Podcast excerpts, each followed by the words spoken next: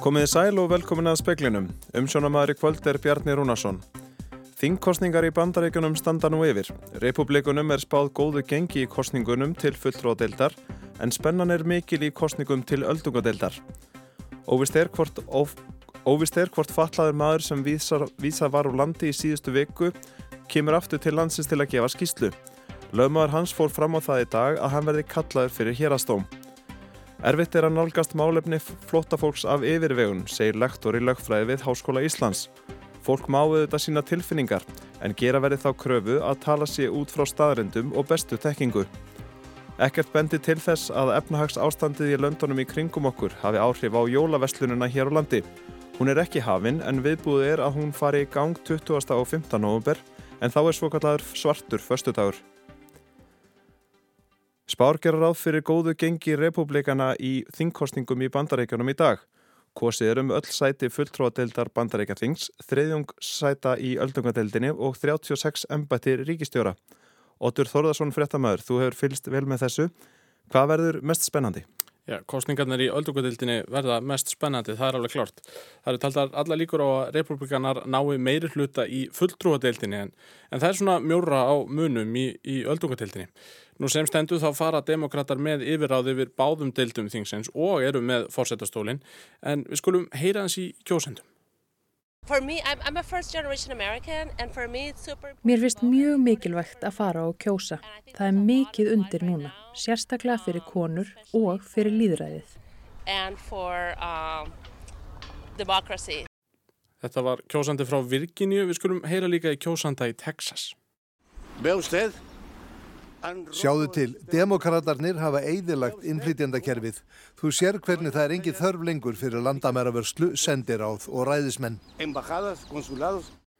Þetta er svolítið lýsandi fyrir hugðarefni stuðningsmanna stóruflokkana tvekja, ekki satt? Jú, mikið rétt. Demokraterni telja að verið sig að kjósa beinlíni sem líðræðið sjálft og, og vernd þess. Þeim er líka ofarlega í huga hverskins jafnréttismál og réttur hvenna til þungunarofs. Nú, republikanar eru þó argir út í stöðuna í efnahagslífinu. Verðbólka er í hæstu hæðum og, og þeir vilja svona breyðast við því, alveg eins og því sem þeir telja bráðan vanda í innflytjandamálum. Mm -hmm. Hvena mögum við svo búast við fyrstu tölum? Það verður svona millir klukkan 11 og 12 í kvölda í held og, og þá líklega frá Arizona sem er einmitt uh, það ríkið þar sem spennan verður hvað mest en, en við fylgjumst grænt með á rúf.is í, í kvöld og í allanótt. Það verður spennand að fylgjast með því. Óttur Þorðarsson, takk það fyrir kominu. Óvist er hvort Hussein Hussein, fallaður maður frá Írak sem vísa var úr landi á fymtudaginn, komi aftur til landsins til að gefa skýslu fyrir dómi. Klátija Wilson, lögmaður hans, fór fram að það í þingkaldi í hérastómi Reykjavíkur síðdegis að dómari gefi út vittna kvaðningu sem skildar Hussein til að mæta fyrir dóm hér á landi. Það væri réttast vegna föllunar hans og tjáningar örðurleika. Dómari tekur afstöðu til vittna kvaðningar í hádeginu á fymtudag. Ríkið býður fram aðstöð borgarþjónustu utaríkistjónustunar um að útvega aðstöðu í aðfinu svo að Hussein geti gefið skýslu ytra. Klátija segir það erfitt því Hussein talar Sorani í tungumálið og ekki hafi enn fundist tólkur sem talar málið í aðþennu. Þannig er ríkið náttúrulega að gefa til kynna að þau vita það að fólki er heimilislausir þá í Greiklandi. Eh, við erum sem sagt að, reyna náttúrulega að fá einhver tólk til þess að tólka fyrir hann þar úti og, það, og setja upp fjárfundabúnað. Þetta er allt náttúrulega mjög erfitt í framkvæmt fyrir að leifa einstaklingur en að mæta aftur fyrir dóm og gefa skýslu í sínu máli. Þannig að það er verið að gera þetta ansi erfir fyrir e, og, og sérstaklega má skoða þetta í ljósi skildu Rískanska ríkisins til að tryggja að, að fólk hafi hérna, aðgengi að domstólum og hvað þá fallaðan einstakling sem að þau hafa enn frekari jákvæða skildu gagvart til að tryggja. Þar sem þetta er enga máli er ekki farið fram á að ríkið greiði fyrir ferðalægið. Fyrir dómi síðteis laði Kláttíja fram myndbönd af húsinn, leita sér læknis aðstofar á þremur mismunandi sjúkarahúsum þar sem honum var allstaðar vísa frá. Ríkið mótmalli framlagningunni og saði hann á of seint framkomna. Fulltrúi Amnesty International hittir hússein fjölskylduna í aðþennu á morgun.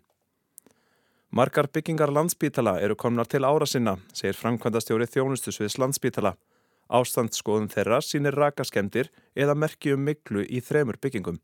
Nýr landsbytali hefur kynnt heilbreyðsraðanetinu niðurstöðu ástandsskoðunar á húsakosti landsbytalans. Engar kostnartölur er í samantektinni. Jón Hilmar Fridriksson, framgættastjóri þjónustusviðis landsbytala, segir að verkefnið hafi verið fyrsta stegs skoðun á húsunum. Skýslan hjálpi til við að forgangsraða viðhaldi og uppbyggingu. Og svo er þetta náttúrulega líka hluti af innlegi í, í umræðis hvernig landsbytalareiturinn og sínbútareiturinn verður hérna byggður upp og, og til framtíðar og hvaða húsnaði, eldra húsnaði verði nýtilegt og, og þá til hvers. Í skýslu ráðgjafafyrirtækisins McKinseys sem var byrt fyrir árinu segir að ef ekkert verði aðgert verði þörfin fyrir legurými eftir 20 ár um það byrj helmingi meiri en nýji spítalinn við Ringbraut getur annað. Forstjórun hefur því sagt mikilvægt að nýta aðrar byggingar við Ringbraut með nýja spítalannum því sumar af tillögum McKinseys komist ekki gagnið vegna aðstöðuleisis. Í samantækt nýs landsspítala er talað um rakaskemdir eða merki þeirra í þremur húsum landsspítalans, hvernadeildin við Ringbraut, móðurs og líknadeildarinnar í Kóbói. Þá er talað um að geðdeldarbyggingin við Ringbröð þarnist viðhalds og aðtikli, sama á við um sundlegubygginguna við Grensás. Marga byggingar okkar komna mikið til ára sinna og við vitum að svona viðhaldsverf og vandamálum í mörgum byggingum þannig að í Það eru svona einstakar liðir en, en ekki inn stóru dráttum komið það ekki okkur ekki á orð. Húsnaði gett fjónustunar, bæða á kleppi og ringbröð er, er komið til ára sem kannski uppfyllir ekki svona nútímalega nálgun og, og það er bara þegar komið til skoðunar og, og þannig að það var kannski svona stóra og fósvorin vissu líka að er þarfnast eh, svona nánari skoðunar. Segir Jón Hilmar Fridriksson, hálfríður dagni Fríðansdóttir talaði við hann. Neitandur býða eftir stóru alþjóðlegu dögunum eins og svörtum förstu degi til að hefja jólainköpin en sádagur er 20. og 50. november segir framkvæmdastjóri samtaka vestlunar og þjónustu. Ekkert bendi til að efnahags ástandið í löndunum í kring hafi áhrif hér. Enn er um sex vikur til jóla en þegar eru farin að sjá stímismerki um að þau sé á næsta leiti. Skreitingarnar komnar upp víða, jafnvel stöku jólatrið skreitt bæði á heimilum og á almannafæri, jólabjórin kominn og fleira og fleira en jólaverslunin er ekki hafinn. Nei, ég held að sé nú ekki þannig að hafa einn svona snemma í, nógumber en hins vegar er það þannig að stærri og stærri hluti jólaverslunarinnar hefur færst yfir í nógumber á undanförnum árum og það á rætu sem er ekki til þess að þessi stóru alþjóðlega viðskiptadagar og það er náttúrulega svartu förstu dagur fremstur í flokki hafa orðið stærri og stærri hluti jólaverslunarinnar fer fram á þeim dögum. Segir Andrés Magnússon, frangvandastjóri samtaka verslunar og þjónustu. Neit Neytendur býði því eftir að þessir dagar renni upp. Efnaðsástandi er erfitt í Evrópu og víðar. Andrið segir það skýrast í byrjun desember hvort áhrif að þess gæti á einhvern nátt en ekkert bendi til annars en að jólaverstunin á Íslandi verði með svipuðum hætti og undanfarið. Kaupmáttur er enn mjög sterkur á Íslandi og það mun bara endur speklast í sterkur jólaverslun. Það er engin ástæði til ætla annað. Saði Andrés Magnússon, Haugur Holm saði frá. Miðflokkurinn í Færaum hefur dreyið sig úr ríkistjórn landsins. Þetta gerist í kjölfar uppsagnar umdeld, umdelda stjórnmálamannsins Jenis Avrana úr embætti ráðherra menta og utaríkismála. Í tilkynningu frá floknum segir að fórestu fólk hans hafi tekið þá ákvörðun að draga sig út úr ríkistjórnarsamstarfinu eftir að barður á Steg Nílsen, lögmaður Færa, vek ráðherranum úr embætti í dag. Nílsen fer fyrir ríkistjórnini og situr í aðsta embætti hennar. Þingkostningar gætu því verið yfirvofandi í færaugum. Nílsen lögmaður segist hafa reiki rana vegna þess að hann hafi síðast í gær kvartar á þeirra til að fara gegn stjórnastefnu. Það snýst um frumvarpum rétt samkynherra maðura og barna þeirra.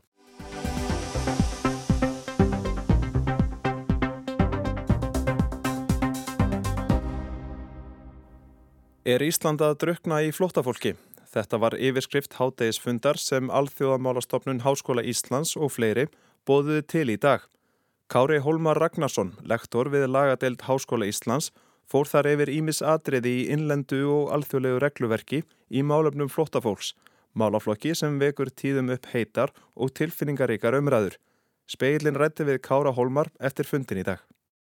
Ég held að öll ríki Evrópu og reyndar víðar um heiminn, allstaðar, eru að vinna í grunninn út frá sömu prinsipum. Það er flóttamannasamningurinn frá 1951 og reglur sem að hafa bæst við hann um vernd einstaklingar sem flýja úr þessum nokkuð sérstöku aðstæðum, það er ástæður ykkur ótti við ofsóknir eða hættu á ómanúðlegri meðferð. Grunnurinn er, er þessi og þetta bann við að senda fólk aftur í, í hættulegar aðstæður. Þetta er svona grunnreglunar sem allir er að vinna eftir. Útfærslunar eru svo nokkuð mismunandi, sumt er alveg eins allstaðar en ymsar reglur eru breytilegar og því kannski verið, verið einkennandi á umræðinu hér að fólk tala stundum eins og Ísland sé með eitt sett af reglum og síðan sé Evrópa með annað sett af alveg eins reglum það held ég að sé talsett ofsögum sagt, það er mun meiri breytileiki millir landa heldur en fólk gerir svo oftast grein fyrir og þá þarf að fara ekstra varlega í að gera þennan samanburð á milli einstakra regluna á milli landa því að hver og einn regla passar einhvern veginn inn í eitthvað stærra kerfi og er tekinn af einhverjum pólitískum ástæðum og eitthvað slíkt. Þannig að það er svona fyrsta legg síðan að varast það að vera með ómiklu fulliringur um að allt sé betra eða allt sé öðruvísi annar staðar, að hlutinir eru bara mjög mismunandi annar staðar. Og það er líka staðrindin bara í þessum málaflokki að það er mjög mikið um matskendarreglur og heimildarreglur og það er bara fólk sem að tólkar þær reglur. Þannig að einhverja reglur eru samrændar framkvæmdi getur verið mismunandi. Eitt af því sem hefur verið mikið umræðin eru endursendingar á tiltegna staði Greikland sérstaklega. Það er engin einn aðili sem að tekur endilega ákvörðun um það fyrir alla Evrópu hvort að endursendingar til Greiklands í november 2022 séu ásættanlegar. Nema þegar mannrættandómsdótt Evrópu eða Evrópudómsdóttin stíga inn og þá hefur það svona mjög vítt gildisvið en í svona hefðbundna orðferði þá eru það hínur þessar kærunemdir og stjórnsýslunemdir og domstólar og ymsum stegum í ymsum ríkjum Evrópasambansins og Evrópu yfir höfu sem er að móta þessar reglur, móta þessa frangand. Söm ríki hafa bara í þessu dæmi eins og Sumríki hafi gengið lengri en önnur. Þískaland hefur hægt að endursenda fólk til Greikland sem hefur fengið þar vernd í kjölfar dómafrangandar og fleira. Þannig að þetta er brotakent frangand. Hvar stendur Ísland ef þú metur það? Eru strángareglur hér? Eru það miðlungstrángar eða eru það vægar? Samanbúruð vennulönd. Það er bara erfitt að meta og held ég ekki sangjant að svara því heilt yfir við getum alveg held ég sagt að það eru hér er ekki ofin landamæri skulum hafa það alveg á hreinu þetta er alla reglunar sem að fólk er að tala um í þessu kerfi um alþjóðlega vernd eru afar þröngar þetta eru mjög sérstakar aðstæður sem að fólk þarf að sína fram á um einstaklingsbundin óta eða þá mjög slæmar kerfislegar aðstæður í öðrum ríkjum en heimurinn sem við búum í enn og samt þannig að flóta fólki hefur snar fjölgað eftir því sem árun hafa liðið. Eh, síðasti áratugur er þjóðlundur mjög sláandi, það er ekki bara Úkræna og þau mál sem við þekkjum auðvitað vel og ekki bara Venezuela sem hefur verið annar mjög stór þáttur, heldur ímis önnur ríki þar sem að fólk hefur lagst á flóta. Það er stórkvæmslega vandamálið í þessu að fólk á flóta er svo ofbóðslega margt. Það er ekki nema sko, örlítið brota því sem að tengist íslenskri umræða eitthvað leiti lang flest flótafólk er annarkvort á flóta innan heimaríkisins eða leggur á flóta til nágrannaríkja það eru þar sem að raunverulegu krísurnar eru er að nágrannaríki eru yfirleitt, já nágrannaríki þessara nokkura ríkja sem eru, eru að drífa flótamanna fjöldan áfram eru yfirleitt tilturlega illa stöðt ríki sjálf. Þannig að það eru miklar og þungar byrðar sem leggjast þar á. Þar er unni hérna, stærsta vandamálið í kerfinu. Það er oft talað um hlutfalslega marga sem að hinga að koma með fólksfjöldu á Íslandi. Er það rétt? Ísland er ekkert efst á listanum yfir fjölda hælisumsögnum með höðutölu en Eh, svona höfðatölu talan í þessu gengur ekkert nefndi út frá að þetta sé eitthvað skipulagt kerfi að einhver sé að stjórna því hversu margir fara hvert og það er bara alls ekki staðrendin þetta er bara kerfi sem gengur út á það að fólk upp á sitt einstæmi flýr aðstæður þar sem að það óttast mörgir sitt. Og við getum einhvern veginn ekki gert ráð fyrir því að fólk flýi það sem það passar best inn í höfðatöluna Það er rétt að geta þess að gagvart ríkisborgurum Venezuela þá eru margir hlutastlega að koma til Íslands núna á þessu ári og, og einhverju litið síðast ári. Það eru tæpla þúsund mannseldi þegar allt er talið. Lang flestar þær umsóknir hafa verið samþýktar. Er regluverkið hér heima, gagvart flótafólki, er það gott? Ég held að það er ímislegt gott í því. Það hefur verið gerðar góðar, ímsar góðar breytingar á síðustu árum og já, kannski áratögu eða svo. Það hefur verið aukinn skilvirkni í kerfinu sem er mjög gott fyrir alla en það er auðvitað verið að reyna að ná jafnvægi millir skilvirkni og þess að tryggja réttláta og mannulega málsmeðferð sem er bara vandasamt verkefni. Þannig að það er margt gott í því. Sumir haldaði fram og það er erfitt að mæla það heilt yfir en sumir haldaði fram að það sé svona kerfis, kerfislega tilneying til þess að tólka reglurnar í íslensku lögunum tilturlega þröngt. Það er að segja þó tilturlega mikið í fólki á flótta í óhag. Ég ætla ekki að dæma neitt um það en hvernig myndi slík tilneying líta út? Já, það væri þá eitthvað eins og að þegar ráð þeirra setur reglugerðum útlendinga 2017 þá eru skilgreiningarnar í þeirri reglugerð horfa oft til þrengingar með að við laugin. Sumar af aldrei því fram á Rauðkrossin hefur, hefur talið að sumar af þessum þrengingum séu ekki í samræmi við laugin.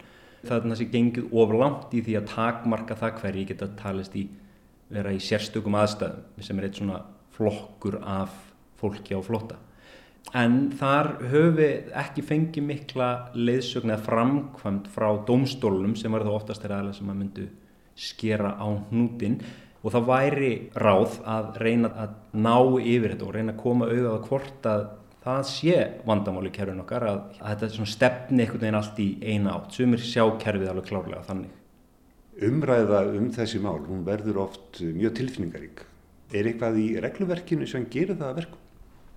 Ég held að kannski fyrst og fremst gera það bara verkum að þannig eru fólk af hold og blóði sem að á í hlut, sem að flest allt sem að kemur hingað til Íslands á öllum stöðum hefur gengið í gegnum ótrúlegar sögur og ótrúlegar remmingar í raun og aðstæður fólk sem að hefur verið í flóta í mörg ár og komið úr einhverjum hryllilegum aðstæðum er oft þannig að, að við sem að ölumst hérna upp í algjöru bómull eigum bara erfitt með að ná utanum það. Og þannig að það er út af fyrir sig bara mannlegt held ég að fólk tengi við þessa sögur einstaklinga þær sem að komast svona fram á yfirborðum það er auðvitað líka áhugjur af því að það eru auðvitað bara örfáar sögur sem að ná eirum almennings og á móti kemur að það er orðræða svona við segjum hínu megin þó að það sé dól til einföldun að stilla þessu upp sem einhver, einhverjum fylkingum, þetta er auðvitað alls ekki svo einfalt, að þá er svona orðræða sem hefur verið smávegis í þá átt að þarna sé einhvers konar undirlikjandi ógn að fólk sé að hér eigum við vona okkur að flóðbylgjum af flotta fólki og eitthvað slíkt, eitthvað sem að myndmál orðræða sem gefur öll til kynna að við séum að verða undir við einhvern veginn Íslendingar sem erum getum rakið ættir okkar aftur einhver þúsund ár og, og, og þetta eru þetta svona líka mjög tilfinningaþrungin orðræða og raunverulega tilfinningar þannig að við gerum ekki lítið úr því.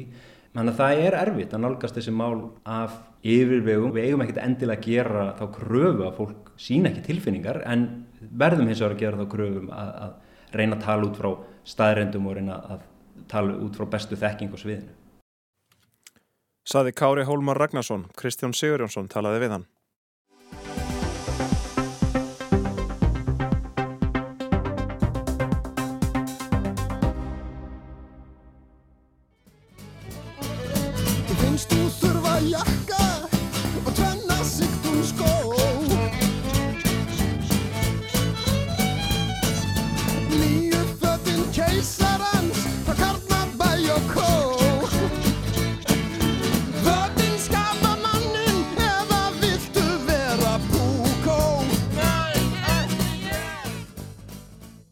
Já, fötinn skapa mannin að mati spilvegs þjóðana, en föt er ekki bara föt. Margir kaupa föt langt umfram þarfir og fjöldaframlegsla áfatnaði er stort umhverjus vandamál.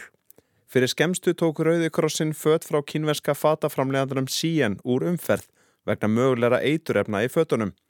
Elsa Maria Guðljóks drífudóttir fréttamaður rætti við Magnu Einarstóttur fatahönnuð um fjöldaframlegslu á fatnaði. Þær skoðuðu kápu sem kostar í vefveslun 35 eurur eða um 5.000 íslenskar krónur. Hvernig er kápa sem þessi framleitt? Það er náttúrulega margir ferlar sem maður fyrir gegnum þegar maður er að framlega flíkur og því svona flúknar sem flíkin er, því lengri tíma tekur að þróa hana. Um, það þarf að byrja að snýða flíkina og saum upp pröfu og máta hana á mannesku og oftar en ekki þarf að gera þetta ekki tvis og þrjus sinnum til þess að ná sneiðinu í góðum gæðum þannig að passa sem flestum. Síðan fyrir framleysli þarf að gera stærðir, máta það síðan á mismunandi líkamstýpum, þetta tekur allt tíma. Svo er að velja efni, þessi tildækna flík er til dæmis fóðruð, þannig að það eru tvei mismunandi efni í henni. Svo eru smáatriðin í flíkinni, það eru vasar, það eru tölur, það eru alls konar saumaskapur til þess að halda henni allir saman, þetta tekur allt saman tíma. 35 eurur er náttúrulega eitthvað í kringum 5.000 íslaka krónur og allt sem ég er búin að tellja upp hérna undan þetta getur tekið marga daga, jáfnveil vikur, mánuði í þróun. Ég myndi segja að svona flíki framleysli hljótu taka að minnstakosti 2-3 klukkutíma bara í saumaskap og þá erum við ekki tala um allt sem á undan tali í sambandi við undirbúningin og síðan er efniskostnæður, það þarf að borga öllum laun sem koma að framleyslinni. Það eiginlega segir sér sjálft að þetta verð hefur hálf galið, einhver sem er að líða fyrir þessa framleysli. Er einhvern veginn hægt að láta dæmi ganga upp með 35 eurur? Ég myndi segja bara stuttisari verið nei, alveg bara hreint ekki. Það verða að koma hendur á svona vinnu og það eru fleiri en einar hendur sem gera það. Það þarf að borga þessu fólki í laun og síðan ef maður fyrir að hugsa bara um umhverfið, það er alltaf klift af einhver afskurður af efninu sem er öllum nýkindum bara hend út í umhverfið. Það hafa verið þessi starka umræði um eituröfni í þessum flíkum Þannig að það hefur náttúrulega áhrif bæða framlegandan og, og umhverfi hans og síðan náttúrulega all leiðin sem þessi flík fer og kemur hingað. Þegar þú ert að kaupa kápuna svona í gegnum netið þá er náttúrulega mjög, mjög erfitt að lesa í gæðin og hvort hún passi og fleira slikt. Þannig að það er kannski meiri líkur á því að, að flíkin hendir ekki hinga komin og þá þarftu annarkvært að velja að senda hann aftur út eða að losa þig við hana og finna þér aðra flík. Á endanum þá getur þetta bara verið orðið svolítið dýrt spauk. Ég myndi mæla með því að, að reyna að nálgast flík sem að að þú annarkvörtu veist að gengur að góðum gæðum eða þess að þú getur farið og snert hana, máta hana og, og hérna kannski leita sér nær áður en að maður fyrir að, panta svona langt frá. Það hlýtur einhver að líða fyrir svona látt verð og ég myndi halda að það væri fyrst og fremst fólki sem kemur að framleyslinni, verkefólkið. En er hægt að áfællast fólk fyrir að það að vilja kaupa sér ótrúra flíkur? Það, það hafa ekkert allir efni á að kaupa sér fött á marga tíu þúsunda mm -hmm. og hvað það börnir sín og fjölskyldu. Einmitt, þetta er bara, hérna, þetta er mjög marg laga vandamál og auðvitað á neytandin ekki að vera ábyrgur í rauninni fyrir, fyrir því hvernig stór fyrirtæki hefa sér.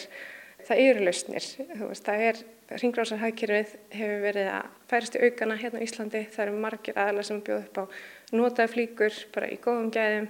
Þannig að ég myndi alltaf byrja að leita þar, líka bara í gegnum samfélagsmiðla, fólk er að selja fött þar og svo er líka alltaf lægi að skoða líka bara hvað maður á og hvort maður getur mögulega lagað, breytt eða bætt því sem er til í skápnum áður en maður fyrir að leita að einhver nýju.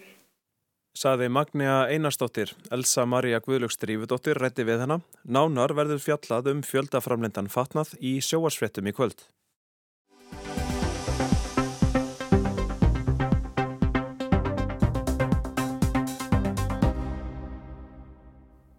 Stjórnvöld á Ítalíu meina nokkur hundruð hælisleitendum að stíga í land úr björgunarskipum sem komu til hafnar í Sikilei um síðustu helgi. Þriðaskipið bættist við í dag og nokkur er á leið til eigarinnar. Björgunarskipið Ræsabóf kom inn á Ítalst hafsvæðum helgina með 95 hælisleitendur sem hafi verið bjargað á miðjarðarhafi í síðustu viku. Áhöfnin fekk ekki leifi til að koma til hafnar þar til í gær. Mikil fagnarleiti brutist út um borðu þegar fólkinu var tilkynnt að það væri á leið til borgarinnar Reggio Calabria við Messinasund.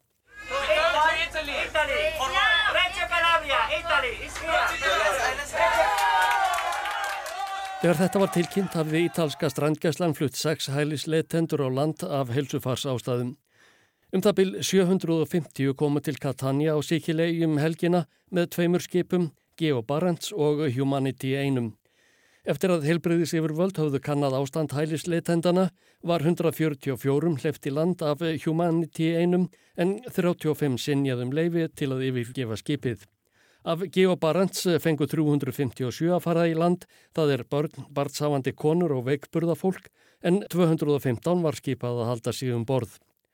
Hjálparsamtökin Læknar án landamæra gera út Geo Barents. Juan Mattias Gill, stjórnandi björgunarstarfsins á miðjararhafi, segist ekki skilja ákvörðun stjórnvalda að hleypa ekki öllum hópnum í land. Non, non capiamo bene dove è fondato questo, no? e studiamo molto bene la legge del mare, diritti umani, i refugiati. E non, Við bótnum ekkert í þessu. Við höfum skoðað siglingalögin og alþjóðalög og sáttmála um réttindi flóttafólks og þessi ákvörðun stjórnvalda um að banna fólkinu að fara í land stangast á við þau. Við erum að bjarga fólki og koma því í öruga höfn. Hér erum við í örugri höfn og það er með öllu óskiljanlegt að okkur sé skipað að láta úr höfn með á þriðja hundrað manns, segir Juan Matías Gill. Starfsfólki stofnar á vegum ítalska helbriðisráðunettisins sem annast helbriðis eftirritt á landamærunum hefur verið falið að ákveða hvaða hælisleitendum er heimilað að koma til landsins og hverjum er sinjað.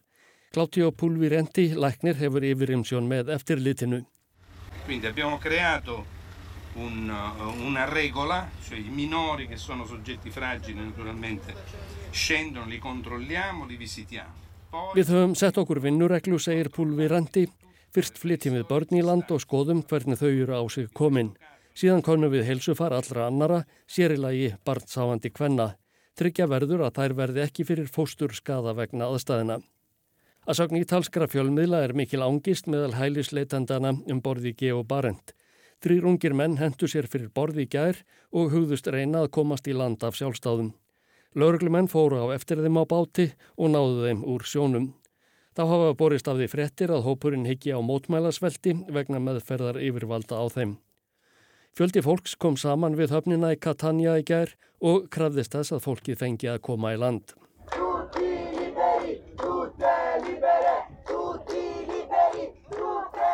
Frelsuðu þau öll, hrópaði fólkið.